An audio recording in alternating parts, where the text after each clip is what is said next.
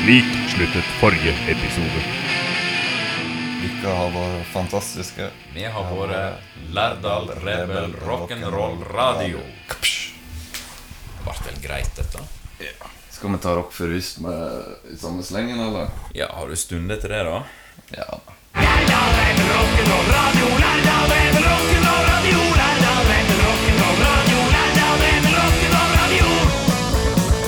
masse gale med podkastutstyret ditt, for nå har du forvilla deg inn på Lærdal Rebel Rock'n'Roll Radio. Og det hjelper ikke å klage. Det hjelper ikke å skru av heller. Nå er Rubicon crossa. Hvem har møtt opp i dag? Knut, vokalist. Og eh, Jon stringvibrerer. Stringvibrator. Ja. I denne episoden så kommer vi til å ta for oss albumet Rock for rus. Det skjedde jo en del eh, ting eh, siden det forrige albumet Faen, Ja. som, som kom i 2002. Og da flytta vi til eh, Bergen. Egentlig allerede før vi hadde flytta, så var det to personer som hadde meldt sin interesse for å eh, spille i bandet. Det var nå Ronny Terum på slagverk og Hans Marius Haukedal på bass. De fikk jo sine artistnavn som Ottar Oppvigler på tromme og Frank Forelegg på bass. Ja, fikk eller tok der. De, de, de fikk vel eh, retningslinjer. Det skulle være et, eh, et eh, falskt fornavn, og etternavnet skulle ha noe med lovbrudd å gjøre. Siden jeg var Ronny Overtredelse, og du var Børre Brudd. De valgte å bruke samme bokstav i både fornavn og etternavn. Ja. Det der er egentlig bare du som er en særing og skal skille det ut. Uten bokstavrim. Ja. Bokstavrim har vi vel ikke brukt så masse i tekstene. Uh, har jeg aldri tenkt på. Det har i hvert fall ikke vært en uh, En sånn fattigmannsrim. fattigmannsrim. Ja. Vi var jo, vi var jo styrtrike med, så vi kunne jo ikke bruke bokstav, bokstavrim. Vi begynte jo så smått å, å øve i eh, Nygårdsgaten 53B, sannsynligvis. Vi øvde inne på rommet til Ronny, for der sto slagverket hans. Og så hadde dere bassforsterker og gitarforsterker. Jeg hadde ingen sanganlegg, så jeg måtte bare stå på gulvet og skrike. Så jeg hørte ikke meg sjøl i det hele tatt da vi øvde. Og så hadde vi sånn fire-fem øvinger, og så spilte vi vår første konsert på Kvarteret november 2002. Det var ingen andre som hørte deg heller, men det var ingen som klagde. Så jeg vet ikke hvordan du har lyst til å, å tolke det. Ikke engang naboen klagde, for han hadde fiskebutikk i første etasjen, og den var stengt etter klokka fem. Det var jo en legendarisk kåk, dette der. Det var jo en plass som skulle bli rivd. Så der bodde jo jeg i lag med trommis og bassist. Vi satt jo på fest og fikk den fikse ideen at ja, men det skal jo bli rivd, dette her.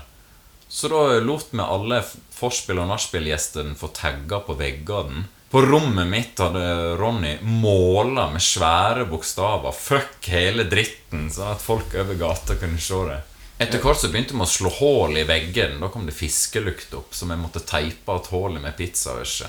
Ja, jeg, sånn som jeg erindrer det, så var jo en, en hel vegg var jo revet ned og satt opp igjen med, med pizzaesker.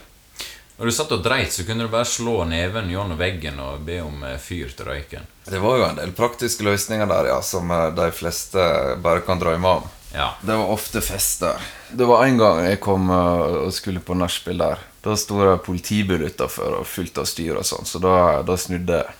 Jeg vet ikke om du husker den festen, men var det politi oppe der, eller var det bare sånn tilfeldigvis ute i gata utafor? Jeg husker ikke.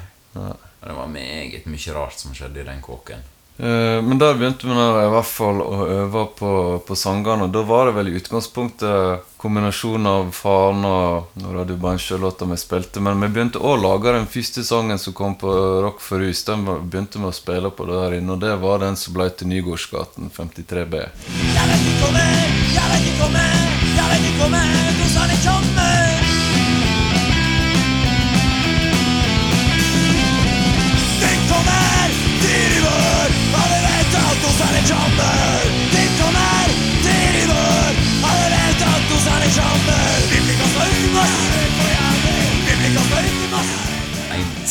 sang om at kåken vår skulle bli rivd.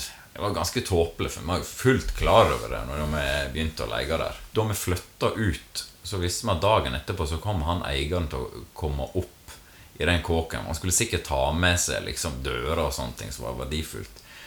Og jeg tror at etter å ha sett den kåken der, så må man sikkert hata punkere for evig og alltid. Den siste festen som var der, da, ble alle, omtrent alle veggene revet. Men ja, så, så det var jo liksom om eh, doserne Doserne kommer. Og doserne, det er jo disse der eh, byggefolket i Fraglene. Husker du det? Ja. Jeg var, jeg var litt forvirra. Jeg, jeg, jeg skjønte ikke helt hvor den teksten egentlig skulle hen. Når, når du sang om, om dosønøkser.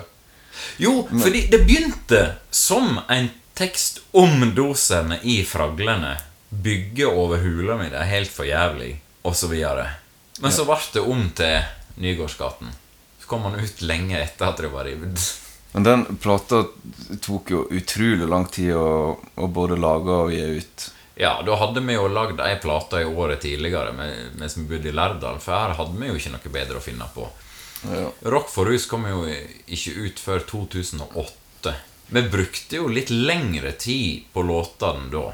Ja. Vi hadde blitt litt bedre på Og tekstene var bedre, og riffet var bedre. Jeg begynte så smått på den tiden å ha sånne lange sessioner aleine der jeg spilte gitar i en hel arbeidsdag. Og du satt konsekvent og lagde riff. Og det var en sånn tilnærming der om at eh, vi, skulle prøve å, å, å lage nye riff, og ikke sånne standardriff som var enkelt gjenkjennelige. Så det ble det brukt veldig masse, masse tid og energi på å, å skrive tekster. Det kunne, det kunne gå ukevis på en sang. Ja. Ikke det at vi satt hver dag og, og jobba med den, men uh, det var ikke noen timeregel lenger. Da hadde vi band og øvde, så, så en, en sang vi kunne begynne på riff, og så gjemme på et riff et par timer, og så bygde vi på det og fant nye ting eller forandra på det. Ja. Det var veldig masse festing på den tiden. Å huske så veldig masse detaljer der, det, det føler jeg er vanskelig. Det var en litt kaotisk tid. Ja, absolutt. Noen riff husker jeg hvor hen jeg bodde og hvor hen jeg var når jeg satt og, og, og øvde på det. Og, men uh, det tok jo seks år fra faen til, til den plata kom ut. Men hun var, hun var for så vidt klar lenge før hun kom ut. Bortsett fra disse der to låtene som egentlig Som vi lagde før vi flytta, så har vi vel ikke kasta noen låter mens vi lagde Rock for hus heller. Nei, jeg men- tror Rock for hus inneholder alle låtene vi lagde etter vi flytta. Du vet, når vi bodde i Lærdal, så var det jo bare to, og vi trengte jo ikke å øve. Så da ble det til at vi lagde låter når vi kom i hop. Mens i Bergen brukte vi jo tid på å øve inn sett og spille konserter. Og jeg var veldig frustrert der lenge. Jeg, jeg følte at det gikk altfor seint. Det, det. det var vel likt for alle. Men Det ja, var jo en del øvinger som bare gikk over til at vi ble litt for fulle og spilte dansing i stedet for. det var en del låter som plutselig begynte å, å dukke opp til sikkert noen sin ergrelse. Sangen om Bergensbølga var jo et resultat av disse øvingene der. Ja, Hallo, hallaien, jeg har billett opp til Fløyen. Jeg har kjøpt meg billett til Fløyen. Hallo, ta og gi deg, jeg har noe jeg må si deg. Og så var det hallo, Hallo? godt av banen. Drikker kaffe på hva faen. Ja, Hva faen var da en, uh, en raddiskafé, kan du si det? ja det var jo eh, Rød Ungdom som drev han. Ja. Det var jo eh, punketilholdsplassen. Eh, det er på tidlig 2000-tall. Ja, og den, eh, den lå først ikke så langt unna fotballpuben, og så ble han flytta bort til Marken. En kompis som jeg var innom og eh, spurte hva mat de hadde på kafeen. Så sa jeg ja, vi har toast, og vi har nudler. Ja, kan jeg få en toast? Akkurat nå så har vi ikke toast. Altså, butikken var rett over gata. Greit nok at du jobba der frivillig, men det var liksom ikke Å, å åpne i tide, det var heller ikke så nøye. Og at du skulle ha alt på de to tingene som var på menyen, det var heller ikke så nøye. Men nei, ok, så det var ikke toast, nei. Nei, nudler, da. Hva nudler du har? Ja, vi har biff, og vi har kylling. Hvorfor det ikke kyllingnudler, da? Ja, det er bra, for det er det vi har. Men eh, det var nå en, eh, en koselig kafé der begge plasser. Det satt alltid noen utafor og ventet på at det skulle åpne, og det kunne ta noen timer, det. Uh, Tittelen på albumet, 'Rock for rus', det kom vel ifra at eh, vi var jo feile til å google oss sjøl for å skrive, se hva andre hadde skrevet om oss. Det var jo alltid like interessant. Og da var det noen som hadde skrevet på forumet til Rock mot rus. Noen som foreslo at vi skulle spille der. Og jeg ble litt sånn Men faen, hva skal et sånn forfylla rølpeband gjøre på en festival som er mot rus? Men det viser jo seg at eh, veldig mange band som har spilt på rock mot rus, er jo ikke akkurat imot rus sjøl. Nei, og jeg har hørt i ettertid òg at det navnet der reflekterer ikke akkurat oppførselen og sinnsstemningen til de som, eh, som går på den festivalen. Det ble en reaksjon til rock mot rus, så da skrev vi rock for rus. Coveret, uh, anyways, det er nå uh, jeg som ser ut til å sette en kanyle inn i armen, men det er egentlig en jack-kabel som går ifra en gitarforsterker. Bakpå da er det bilde av uh, trommisen vår Ronny med ei halv utstillingsdokke i sekken. Den hadde vi på scenen. Eh, Ronny han, eh, han, han eh, likte å ikke være light travel. Så han hadde med seg en gigantisk ryggsekk med utstillingsdokker og veldig masse koffert da, innimellom. Ja. Og akkurat det bildet der, det er fra Sandnes. Da hadde vi vel spilt på Tribute, tror jeg. I Ja. Sandnes, i sammen med Heter det Ordrenek, da? Eller? Ja, Og så var det et band som heter Kvinner og barn. ja. Vi er alltid først. Ja, sa han når de gikk på scenen som første band. På det albumet så er det jo da jeg på vokal, og du tar all gitaren, Ronny på tromme, og så fikk vi jo med oss bassisten i Tarmer, Ja, og det Jan Erik. og det var fantastisk tilskudd. ja, det var, det var store greier. Han, eh, det er ikke mange bassister eh, som kler å spille punkbass så bra som han gjør. Stødig og eh, spiller som faen. Han, eh, han var jo muskelbunten i bandet. Ja, han var livvakten vår, han. Ja, og det var jo flere som var innom og spilte bass. Det var en annen fra Tarmer som spilte bass en periode. Det var, det var Henrik. Han kalte seg Verste duden. Så han var en av de få som ikke hadde et kriminelt etternavn. Jan Erik han kalte seg for Dennis Dealer. Vi skifta jo bassister nesten like ofte som vi skifta Undik.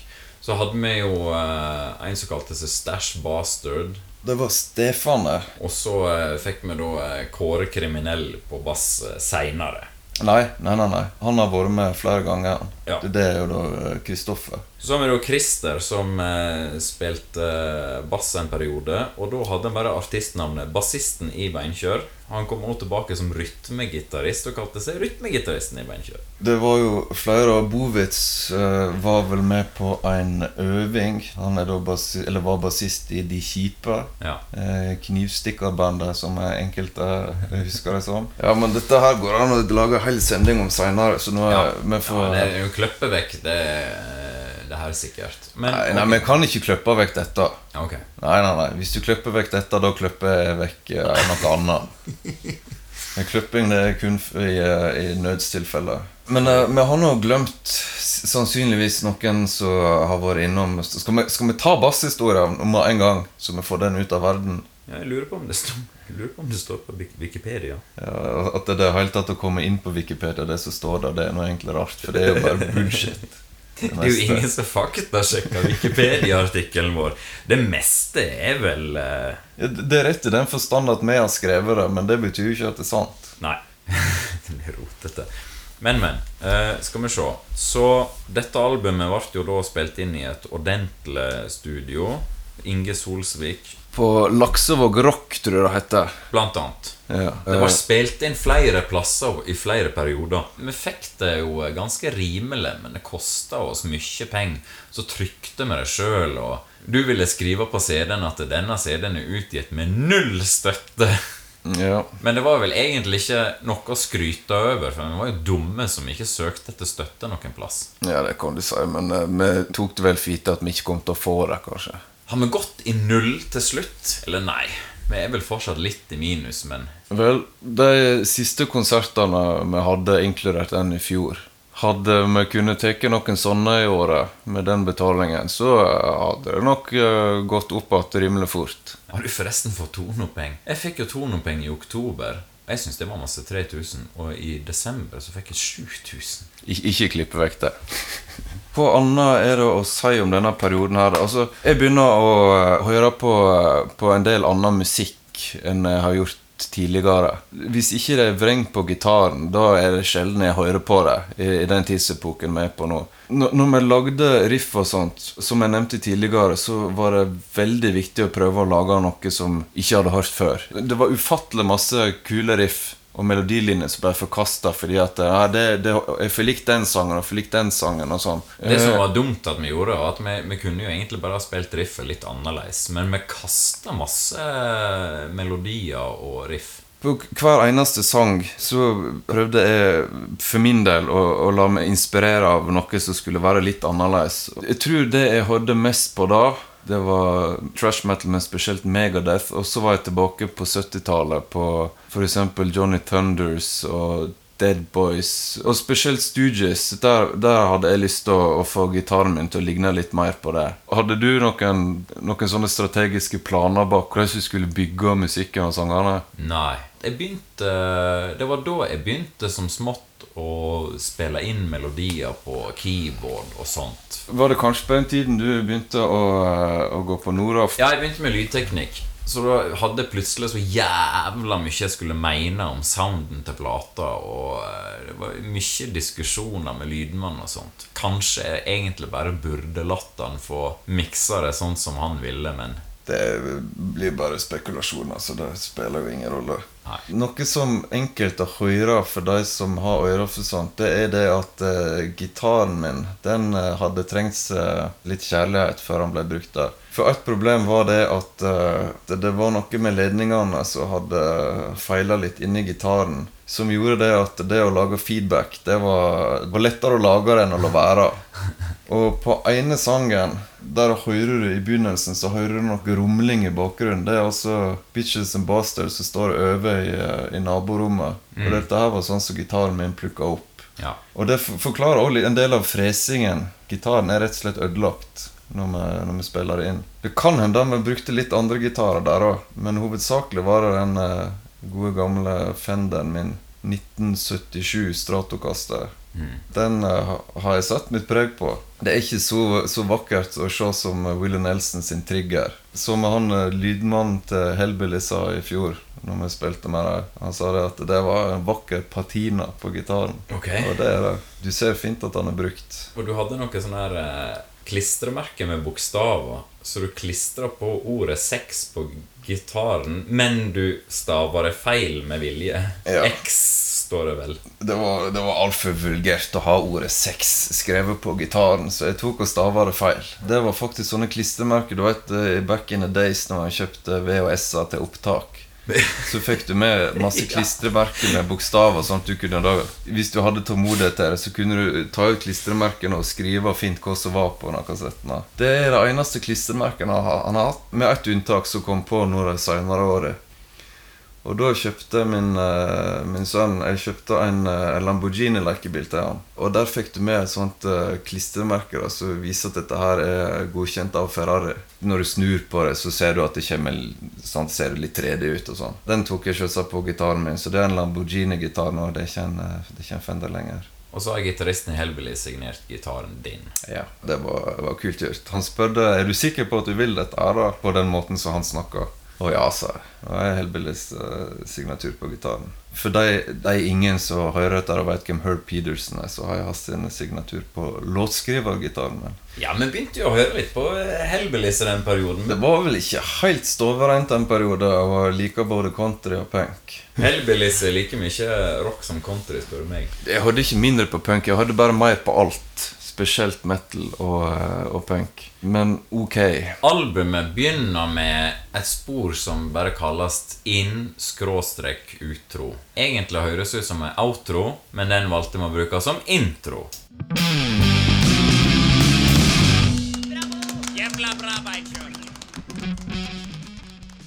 Denne har vi jo brukt uh, som avslutning på konserter av og til.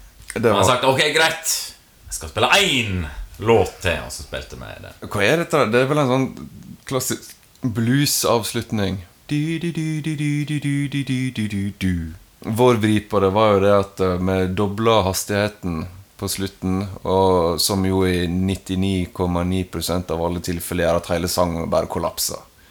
Og det var vel egentlig planen. Også. Mm. Sannsynligvis de fleste konserter etterpå har vi lurt den inn. På innspillingen så har vi jo applaus på slutten, og da roper jeg 'bravo'! Ja, og det er det ei stemme som sier en plass i Kardemommebyen, den Kardemommefesten, så hører du en dame som sier det der. Interessant. Han går jo da over i guiden til guider.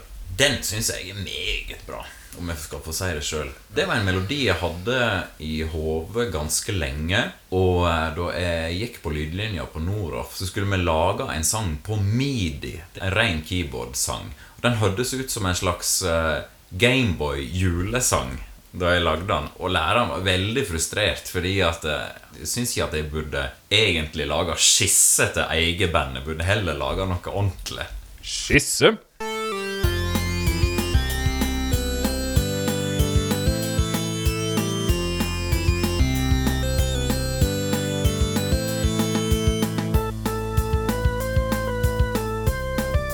Beinkjør.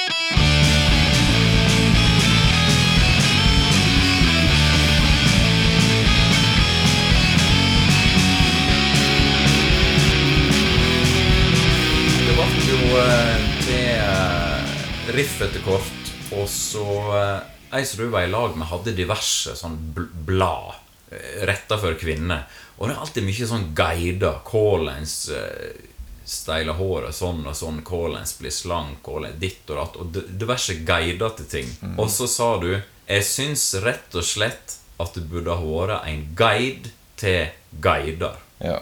Eller jeg husker ikke det, men jeg sier ja. Det var vel kanskje litt av den uh, rebellen i oss som uh, tenkte det at dette her er jo uh, Det er jo mildt sagt irriterende. Men folk må jo klare å tenke seg til noe sjøl, og, og hva slags farge du har på jakka og sånt. Det er jo bare tull å tenke på sånt. For ikke å snakke om alle guidene hvordan blir punker.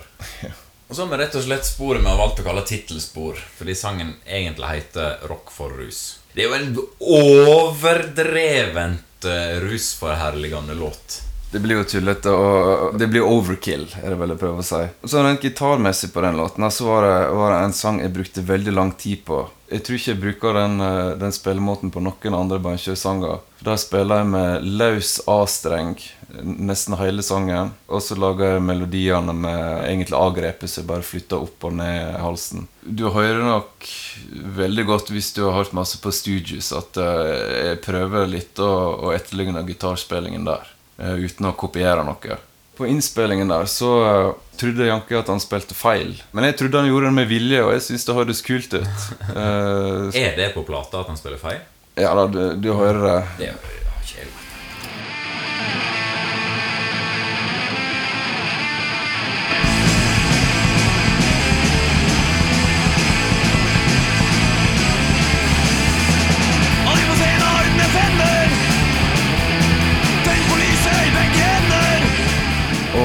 så var det soloene der.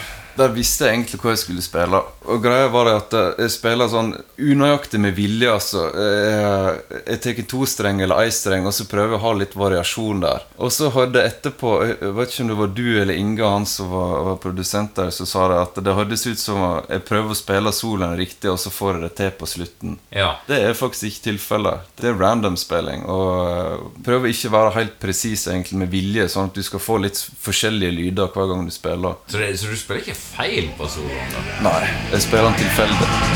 Det er så mye som det går an Dopapiller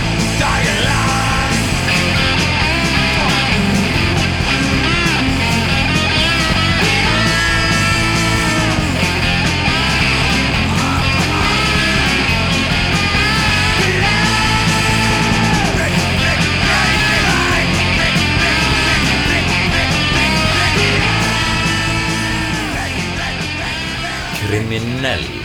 Det var jo en sånn eh, Nesten som Hva jeg vil nummer to.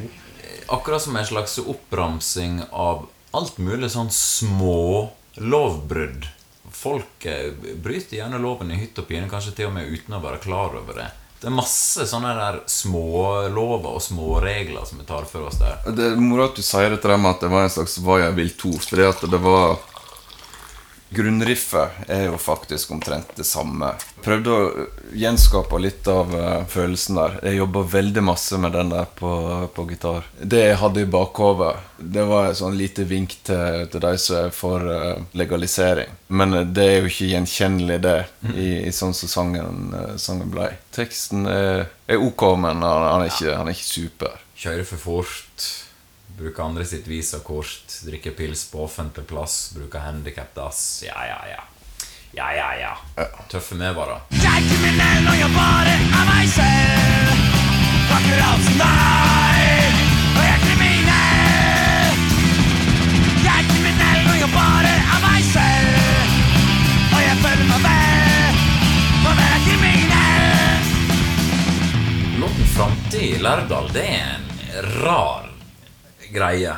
Ja, jeg er ikke helt sikker på fortsatt hva den sangen egentlig handler om. Nei, det Du har jo eh, Longhorn, og den låten kan jo høres eh, på Spotify. Det er jo en eh, låt som heter 'Sumar i Lærdal'. Det er jo liksom sjølve Lærdalslåten.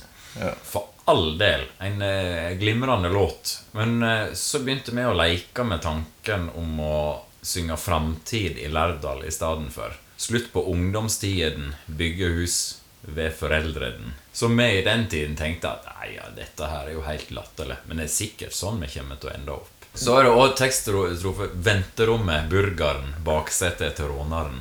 Det handler om my my mye, eller kanskje spesielt for jentene på den tiden, som satt på bussventerommet, det som blir sprengt i eh, Ørjan-videoen. Sitter der, sitter på med en råner, bort til burgerkiosken, tilbake til venterommet. Sånn var jo veldig mye av ungdomstiden når vi ikke drakk. Sitte på venterommet. Det blir jo alltid sånn at vi sitter og prater om gamle dager i Lærdal.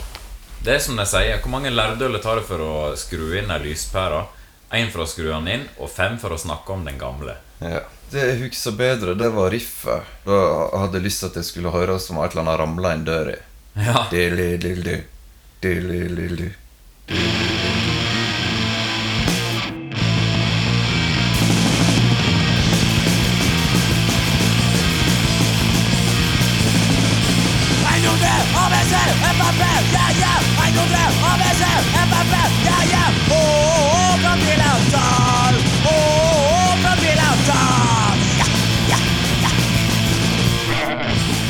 Så er det lyden av gris og kyr og sånt. Det stemmer. Låten starta med den 1, 2, 3, ABC, Frp, JJ. Og det, det Ja. var jo morsomt, men hva betydde det?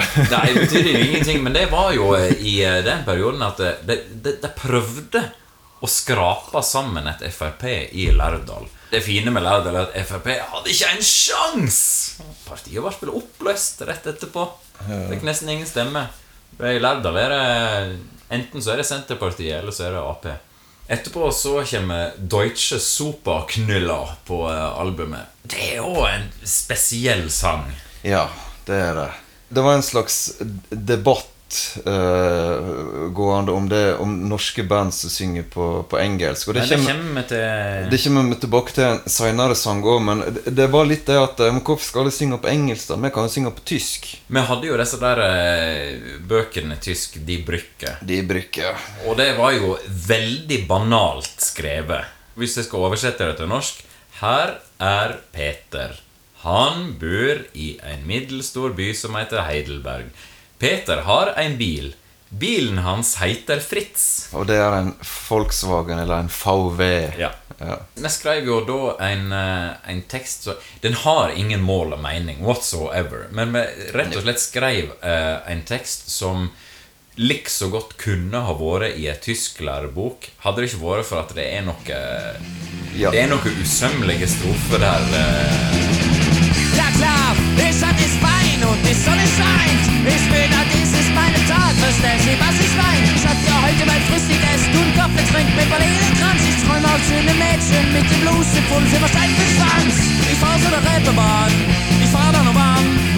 Ich fahr auf die Autobahn, ich fahr, weil ich fahren kann. teksten i seg sjøl handler om eh, at du har spist frokost og du er klar, og så skal du reise til reperbanen. Men til slutt så blir det, den reisa avbrutt fordi at det er politisperringer i veien, og du kommer deg aldri til reperbanen. Så, så eh, fantastisk er den. For når vi spilte det inn i studio, så, eh, så jeg det, det var ikke klart solo eller noen ting, så jeg begynte å bare improvisere noe der. Men så fant dere ut, eh, du og Inge, når dere miksa det, at dere skulle dra ut sangen litt. Men det, det var ikke nok soloer til da så da var dere nødt til å begynne å ta fra de, alle de forkasta soloforsøket. Ja. og sette dem sammen med noe. Så, så denne soloen som kommer uti sangen der, den har jeg aldri spilt. Den er det ingen som har spilt, så det, det er juks og fanteri. Der er det klippet sammen masse forskjellig tull. Hæ? Er det ingen som spiller solo på? Jo, men det er ikke et take, liksom. Det er bare det er masse som er tatt sammen fra forskjellige take. Er det solo på den sangen? Ja, men han, han går i bakgrunnen mens, Ja. mens det er noe synging. Jeg prøvde å gjenskape dette der når, jeg, når vi spilte den live, men det var helt håpløst. Jeg klarte ikke å finne ut hva jeg spilte på eh, plata. Ich spurte zu der Reeperbahn. Ich will es an und wann. Ich spurte auf die Autobahn. Ich spurte, weil ich fahren kann. Refrenget Ich fahre so der Reeperbahn. Ich fahre dann und wann. Ich fahre auf die Autobahn. Ich fahren, weil ich fahren kan. Jeg bodde på eh, et hotell som skulle, skulle rives eller bygges om i Strangehagen ute på Nordnes en periode. Der var det et tysk par som bodde i samme gangen som meg. Så jeg ga henne et eksemplar av plata og ba henne høre på den tyske sangen for å høre om hun forsto liksom, noe. liksom. Hun fikk jo plata, men hun kom og ga den tilbake og, og sa det at det var ikke noe, var ikke noe bra. Det var ikke noe bra. Men eh, Sånn hadde aldri har vi gjort en så grundig jobb med tanke på at vi satt jo der med tysk ordbok og alt. Ja. Jeg fikk hendig drahjelp fra Oddbjørn, så jeg, han er jo eh, smartere enn oss to er sammenlagt. Han uh, har nok kanskje ikke lyst til å bli nevnt i den sammenhengen, men vi vi nevner han allikevel. På et uh, liveopptak så hører du Trond Frekaland i Bov som roper 'Sagning!' Og så hører du Trond Teigland som roper 'Deutsche Superknuller!' Og så sier jeg 'Den kommer, den, Trond. Bare vent'. Men jeg er litt usikker på hvem av de to Trondene jeg snakker til. Ja, det er helt håpløst å holde kontroll på Tronder, altså. Nygårdsgaten 53B har vi vel vært innom. Den ble nevnt såpass bra i begynnelsen at eh, Vi lar han bli. Ja.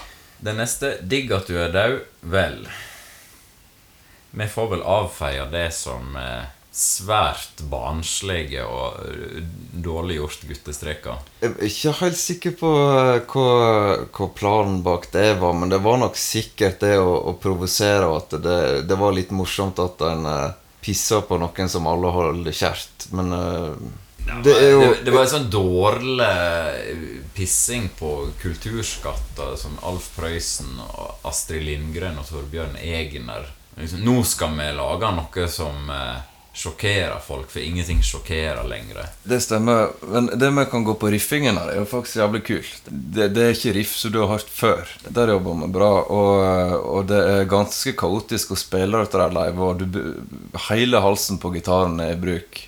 Så det er opp og ned og att og fram. På den sangen så eh, begynner det med at du hører Bitches and Bastards over i naborommet. Det var det vi nevnte tidligere. Det tok vi med. Ja.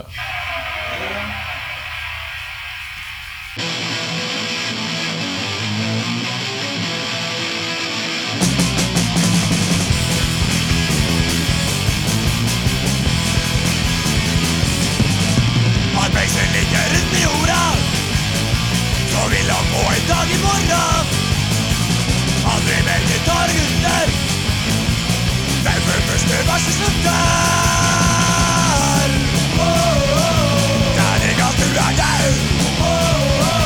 Så at du er at du er Vi spilte vel alle sangene live eh, perioden etter vi var ferdig med den plata, og før òg. Så det er den første plata som er innøvd. Selv om man muligens ikke skulle tro det. Men den neste låten når vi var inne på språk Beard in the post case. Det var jo, kan man si, et slags innlegg i den, eh, den debatten om eh, norske band som synger på engelsk. Det var jo faktisk en person som brukte den teksten i en debatt om, om Norwenglish, som han kalte det. Og du hadde strofa 'How much shit can a toilet take before it really gets pissed'? Og så begynte vi å ta masse norske ord og uttrykk og oversatte det direkte på engelsk. Så skallebank blir skullbank, morra blir mor morning bread, burugle cage owl, Carl i hagen, Carl in the garden. Husker vi hadde det veldig moro når vi, når vi skrev dette der. Og så hadde du 'Don't you just dig that grave'. Var det nevnt i en anmeldelse av den plata, og at den sangen kunne tolkes som et, uh, debattinnlegg? Det er godt mulig. Den plata fikk faktisk mot alle odds eh, terningkast fem i BT. Og du veit, det var jo stort for lokalavisa her at eh, et band fra Lærdal hadde fått en femmer i BT. Så dette var skrevet om, kan du skjønne. Den samme avis ga terningkast fire, Sogn Avis. Og der var vel en av begrunnelsene var det at eh, det var, var litt, litt for mange sanger. Er det 19 sanger eller noe sånt på den plata? Det er 18 sanger. Ja, egentlig 19 med bonuslåten. Er det bonuslåt på den òg? Å ja da. Ja, det er det! Yep. Ja, ja. Jeg kommer tilbake til Den er jo fantastisk. Men eh, nei, for i den anmeldelsen så, så skrev han at eh, Beinkjør spiller punk etter boka. Men det er bare det at punk etter boka blir feil. Jeg skjønner ikke helt hva slags bok vi spilte etter på den plata. Nei, men liksom Det ingen tok tak i, som er det store problemet, det er jo produksjonen. Det er Spesielt gitarlyden jeg ikke er fornøyd med. En ganske bråkete plate, kan man si. Men eh, det høres jo fortsatt bedre ut enn enn de gamle platene vi spilte inn sjøl. Ja, det gjør det. Nei, den sangen er vel en innholdslaus innholdsløs sang, nesten. Ja, det, det handler bare det om å, å leke med, med å oversette feil. Men også samtidig så, så var det noe spark mot, uh, mot Jeg skjønner ikke hvorfor de driver og synger engelsk til norske folk. Det er veldig mange engelskspråklige utgivelser der du hører godt at uh, personen ikke er stødig nok i språket til å gjøre det.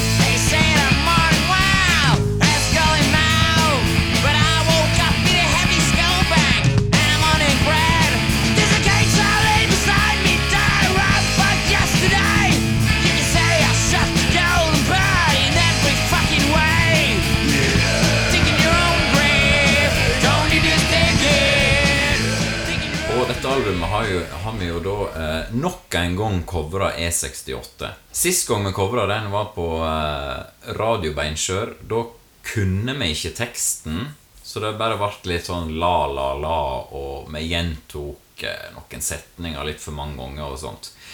Hadde vi lært oss teksten denne gangen?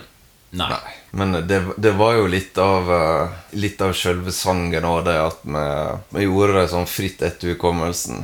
Jeg, jeg vet ikke hva Han der eh, som var i Nytt på Nytt, Knut Nærum, ja, han har jo skrevet i hvert fall ei bok der det er historie fritt etter hukommelsen. Og jeg husker ikke om han gjorde det før eller etter, om vi var inspirert av det, men i hvert fall det, jeg, jeg syns fortsatt det er moro å, å gjøre sånne ting. sant?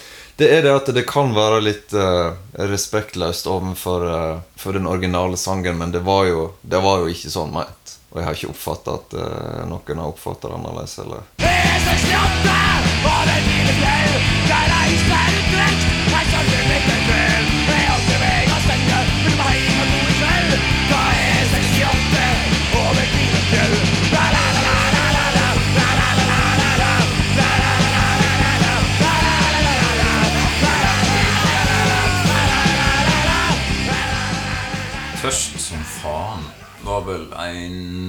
fyllelåt der òg. Der hører du òg det at jeg har hørt veldig masse på Stooges og Dead Boys og sånt i den perioden der. Ari Behn er inne i bildet her, og han hadde sin debut Hva var det? Var det en roman? Det var en samling av eh, noveller som het eh, Trist som faen. En ganske kul sang. Han er jo han er mørkere enn Beinkjøresanger pleier å være, for den er vel ikke Ja, Jeg synger ikke- veldig mørkt på den, ja. Det er jo ikke humor i, i, sånn, i samme grad som det pleier å være i, i mange bansjesanger. Det er en veldig sløy solo på den sangen, og det må nevnes.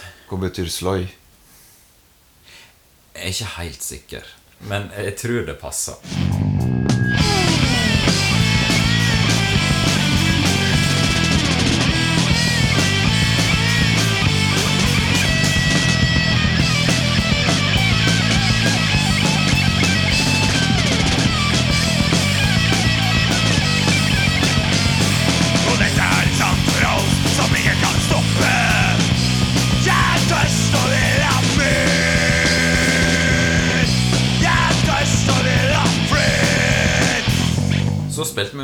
Kristendom på nytt.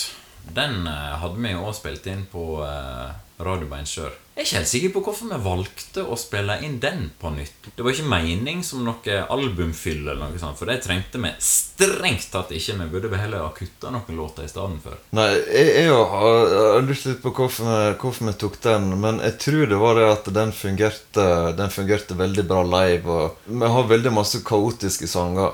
Så når det gjelder det å kunne spille veldig masse sanger etter hverandre, så var den på en måte en slags pausesang, der du får hvile håndleddet litt. Ja, hvorfor vi valgte den framfor Hva jeg vil eller OL eller sånt, det er ikke godt å si. Det er ikke noen god grunn til det, føler jeg. Nei. Men samtidig så blir jo det Ramones-sangen på den plata.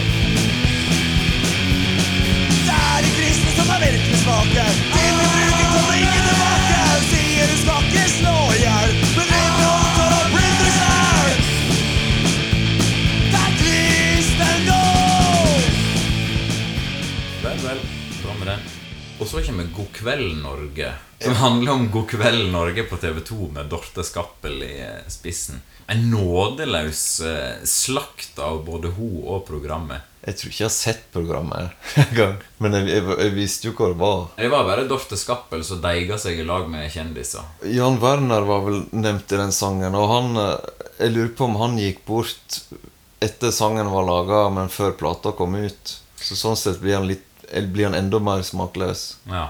Det er jo dette der med sånn som i dag har med kjendis.no, altså kjendisnyheter. Altså drit så det er der. Jeg irriterte meg over sånne ting eh, da.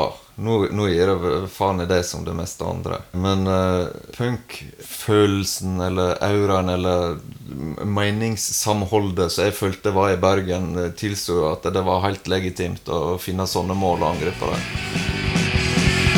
Er og ekte på stjerner. Gå på kne og full Jan verden. For du er ikke noe vil. Og er ikke engang på det du er kveld. Doktor! Doktor! Drei mote! Og så kom Sogning. Det var jo en låt som egentlig skrev seg sjøl.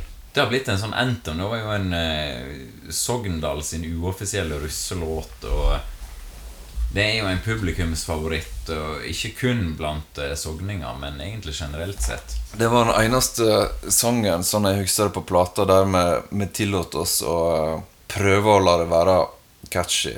Akkurat det riffet der, det, det hadde ikke vi tillatt oss på på noen andre sanger, for det, det, er et, det er veldig enkelt og tilgjengelig riff i utgangspunktet. Den, den sangen og den er jo òg et slags forvarsel av hva som kommer, kommer etterpå. Vi hadde jo oppnådd litt av det som var min tanke med å være litt sånn der slags skandinavisk og få eh, innpass i Sverige og sånt. Den der Sverigedrømmen var det ikke så mye av. Vi spilte en konsert i Sverige og var med på noen svenske samlere og, og sånt. Kan jo være vi ikke hadde kommet med hvis vi hadde sunget på uforståelig lærdøl. Men så dreit vi nå i eh, det der, og så begynte, å, eh, begynte på dialekt i stedet for. Jeg hadde den linja med 'drikker bare brus' med 96, med 'råna rundt med anlegg' med dritmusikk. De, de linjene mener jeg at jeg hadde først, og så Ja. kom resten av sangen ut av det. Med drikker bare brus med 96, med råna rundt med anlegg. Med drittmusikk i, med drikker hver helg. Og alle røde dager, med beste vi kan drikke. Er det med såra kan sånn vi sogning slåss. Men hvis du liker på hva trenger du ikke begynne oss. Hoi, hoi, her kommer med med sokninga. Vi slerker ned. Hoi, hoi, her kommer med med sokninga. Vi slerker ned. Jeg hadde jo en runde der der eh, jeg kontakta folk for å, for å få litt innspill på hva som måtte være med i en sånn sang. Jeg husker at eh, Anders Hauge, aka Bonden, han eh, hadde nok innspill der, men ikke nok til å bli kreditert. Veldig sånn sognestereotyper som er bekrefta. En sang som, som jeg vurderte å uh, covre i samme slengen, det var en uh, rånesang fra Sogndal. Så vi prøvde å gå på fester og sånt der innimellom. Å ja, den hina pina mandarina. Ja. Høyna, jeg er rau, jeg har jævlig bass. Vei deg inn i turnusen, og jeg skal gi deg gass. Jeg har styla bein. Digg alufelgaden, jævlige kostvortvinge. Høyna, høyna. Sogning har jo blitt en sånn eh, anthem, da kan man, kan man si.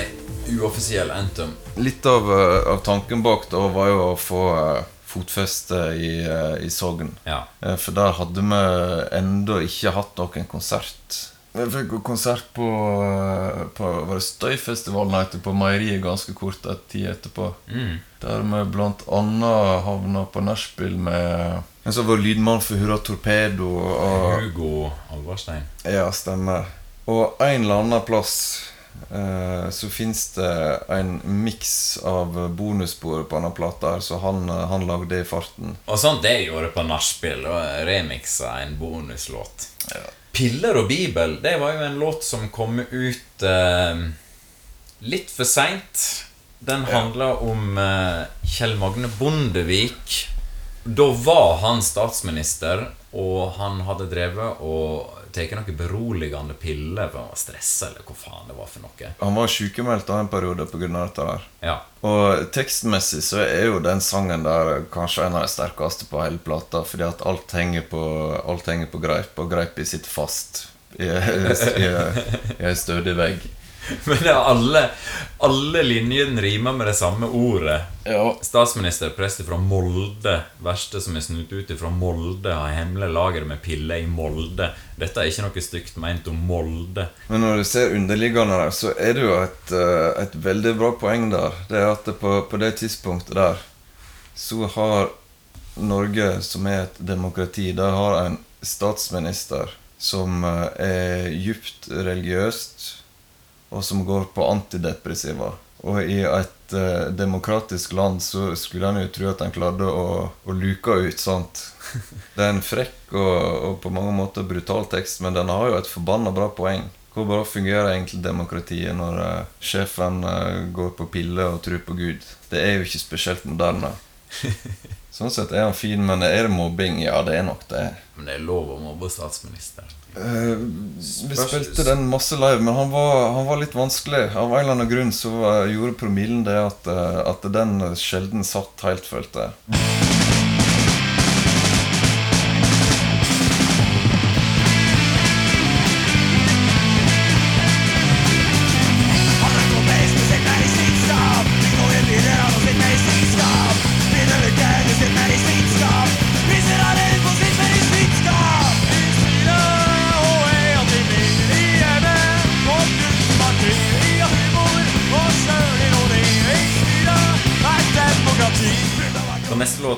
Hvitt får i sort flokk.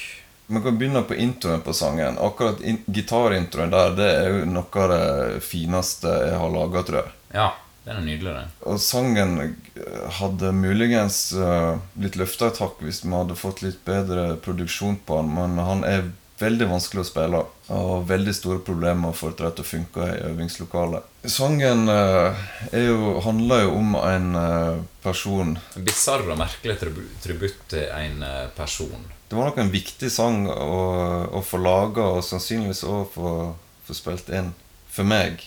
Men ja, det er en, det er en trist sang. Og det er ikke, det er ikke mange av de på, mm. på Bandkjøplatene.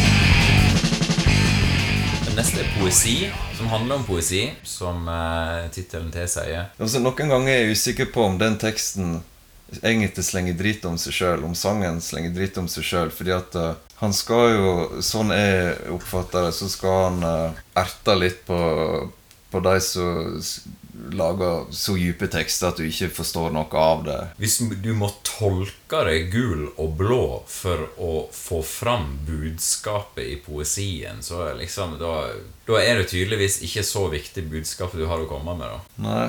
Når, når vi lagde den sangen, så, så var jeg liksom Jeg var ikke helt sikker på hva vi, ville med det. Men det ble jo en slags, uh, slags rimeteknikksang til slutt. Der vi, vi, vi bare prøvde å rime sammen så, så masse rart så mulig.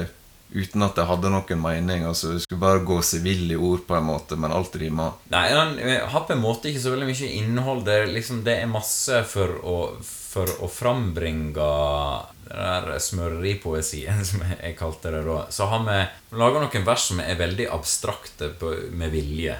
Som omtrent er umulig å tolke seg fram til. Jeg, jeg tror ikke engang vi husker hva, hva vi egentlig tenkte på. Nei. Ja, Men vi spilte han masse live.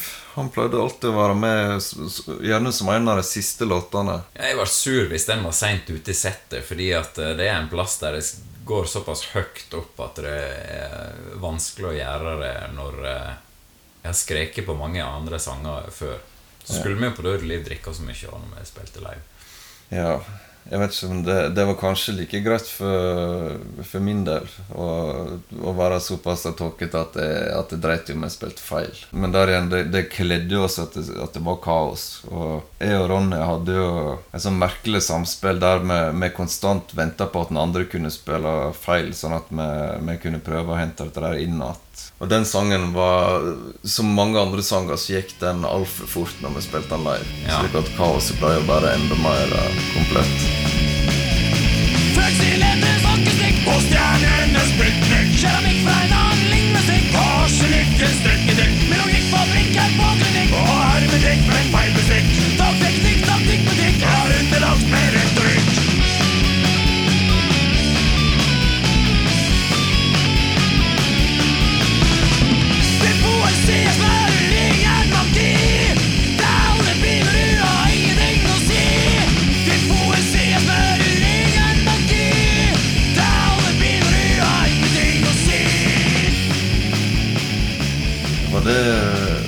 var, var siste sangen, eller var det flere der? På en måte den siste ordentlige sangen, eh, fordi at etter den så kom eh, en slags avslutningsspor som heter To av tre Oh Yeah. Mm. Som Det er noe musikk, og jeg staver F-Y-L L-E-S-V-I-N. Hva blir det? Og så er det en runde med at vi står og diskuterer hvor dette her kan være for noe. Altså Førstemann springer fram og roper 'fyllesvin'. Det er ikke en sang engang. Det er akkurat som en slags rebuskonkurranse. det, siste, det siste ordet er FLY, og det klarer vi ikke å gjette, for det har ingenting med alkohol å gjøre. Den sangen uh, heter jo Blakk før det og hadde annen tekst. Stemmer det, ja. Det er liveopptak der du får høre den uh, originale versjonen, hvis du kan si det. Ja. Uh, og den var vel ganske enkel. 'Jeg er blakk, jeg er blakk'. Og så var det 'Jeg må Jeg ha penger til øl, må ha penger til øl. Alt er stengt, alt er stengt. En sånn historie går sånn. Jeg er blakk, jeg er blakk, jeg er blakk, jeg er blakk, jeg er blakk. kan, du kan, du kan, du kan, du kan. du døst, jeg er døst. Det, det, var, det var moro Det var veldig moro i studio når vi, lagde den. Og det, var, det er en veldig veldig random låt. liksom Det kunne blitt hva som helst. Det, det var en spøk, kanskje, den låten der. Det er bare tull. Som så masse annet. Men så um, Hvis du lar den låten gå, og når displayet på CD-spilleren viser 113, som er nummeret for ambulansen, da kommer bonussporet. Og denne gangen så var jo ikke bonussporet tatt på, eh, tatt på direkten. Det var innøvd ganske grundig. Jeg hadde en lang Motorhead-periode. Jeg husker jeg begynte å, å jobbe på, på riffet på det som ble den sangen. Og da prøvde jeg å lage riffet som en blanding mellom Ace og Spades og Var det Damage Case, kanskje? Jeg husker ikke helt. I hvert fall så tok jeg to Motorhead-riff, og der hører jo Det høres jo faktisk nesten ut som Motorhead. Ja. Og det skulle jo være en slags Motorhead-tributt. Mm, vi kalte han The Motor Elk. Ja. Og eh, som på en måte handler om eh, The Motor Elk, eh, liksom eh, den mest badass elgen i eh, skogen som eh, går rundt og plager det andre dyret. Og det er veldig mye Motorhead-referanser i teksten. Og omtrent basert på en neve med Motorhead-låttitler. Så prøvde jeg å synge som Lemmy. Det var jo eh, ganske spot on. På avslutningen så eh, Av en eller annen grunn så velger vi å bruke Born to Lose. Ja, det hadde jeg masse av, eh, av feilen for. For jeg hørte på, på Johnny Thunders en god del da. Akkurat når jeg synger Oh Baby I'm Born Moose, som da ble teksten Akkurat det eh, syns er den beste vokalprestasjonen min på hele plata.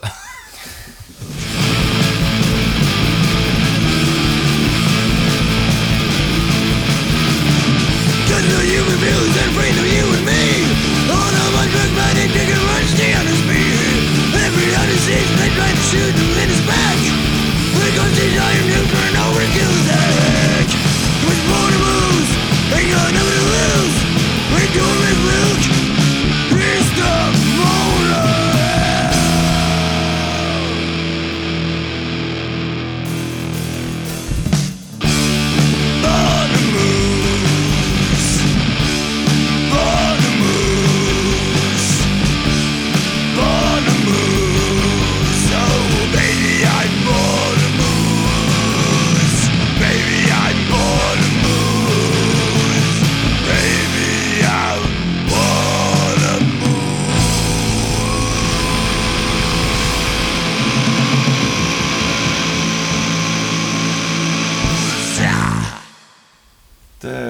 Det, var var Rockforhus-plata, det. Det var sånn den var.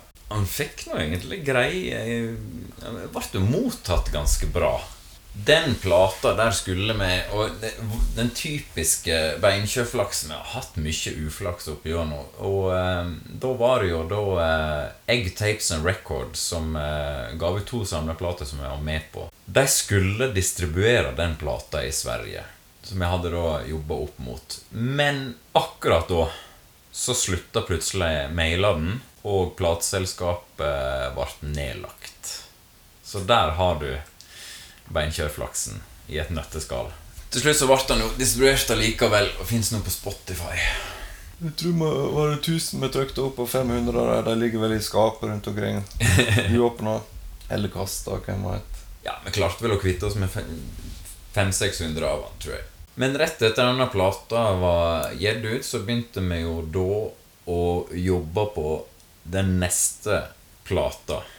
Som ble selve temaplata for Sogn og Fjordane, som vi kommer tilbake i i neste episode. Og da er det vel bare å si som vanlig at eh, takk for at dere det lytter på. Vær så god. Det har vært fantastiske. Vi har vært Lærdal Rebel Rock'n'Roll Radio avslutning. Da får du avslutte en gang til. Ja, forresten, vi må jo si